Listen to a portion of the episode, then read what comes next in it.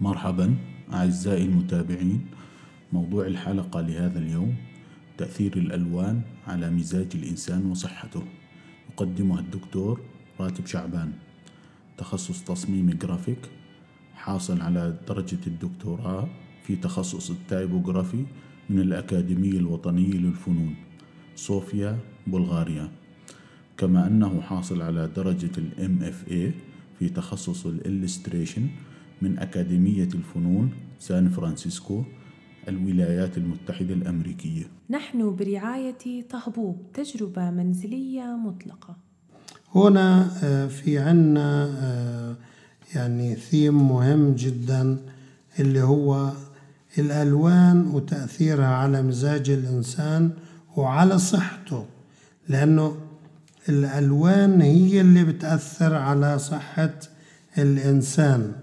لذلك آه، إحنا آه، بتسقط الأشعة خاصة في آه، بلاد زي بلادنا بلاد العربية الشمس دائما ساطعة فيها فبنلاحظ إنه هناك يعني قليل ما يكون في تأثير نفسي على مزاج الإنسان بالنسبة وعلى صحته بالنسبة للألوان. وعلى الإضاءة أيضا. لكن بنلاحظ هذا الكلام في الغرب خاصة في الدول اللي هي آه، زي الدول الإسكندنافية مثلا.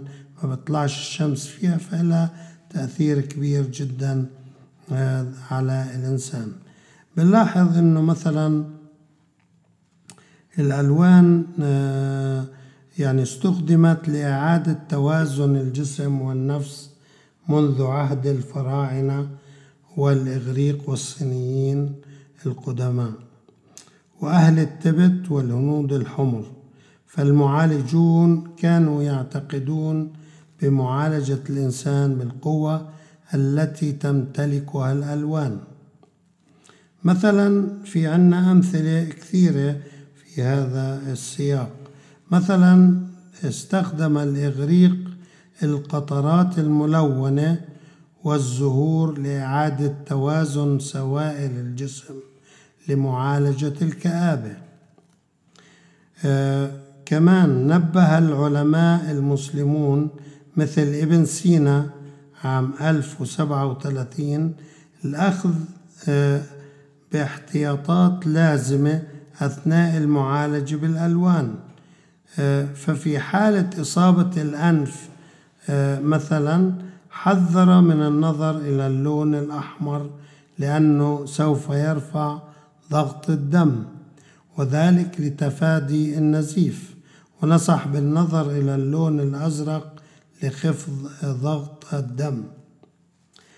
أما المعالجون الروحانيون الباراسايكولوجي في الهند فلا يزالون حتى يومنا هذا يؤكدون أن الإنسان محاط بسبع طبقات من الألوان المختلفة مشكلة مجالا كهرومغناطيسيا لكل شخص يتغير باضطراب المزاج والتفكير أو الإصابة بعلة عضوية. إذا في عنا هنا الهنود بيعتقدوا في أنه هناك يعني بحيط في الإنسان طبقات سبعة من الألوان.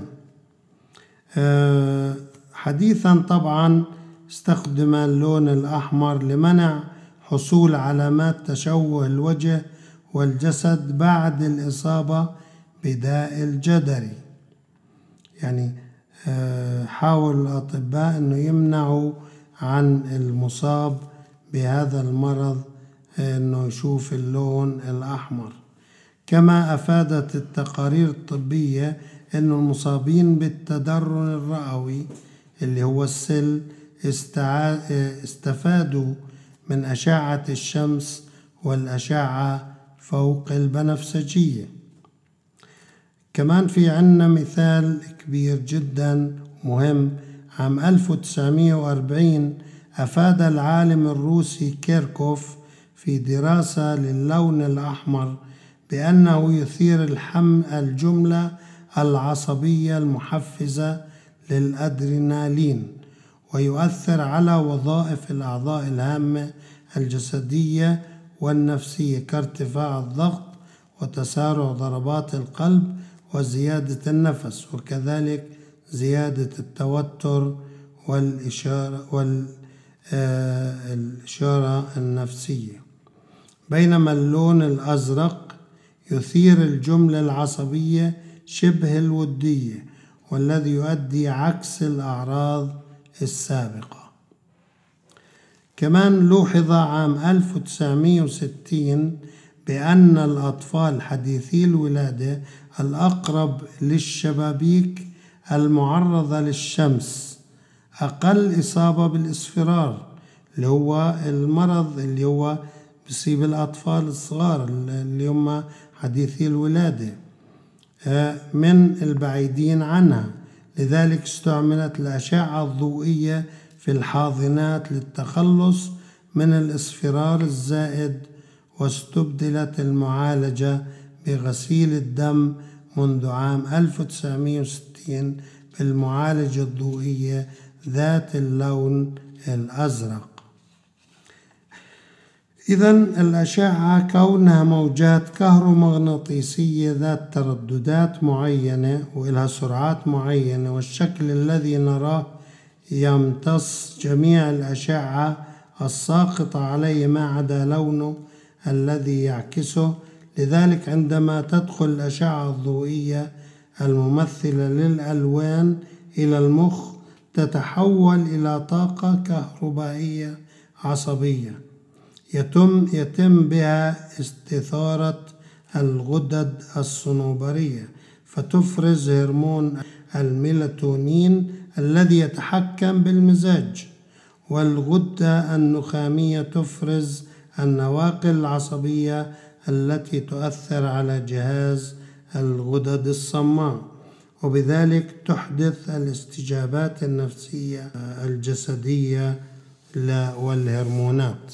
فإذا كان هناك عدم توازن في الألوان المستقبلة ينعكس ذلك على إفراز هذه الغدد للهرمونات. فإما تثبيط أو الزيادة ويعتمد ذلك على مدى توازن الألوان.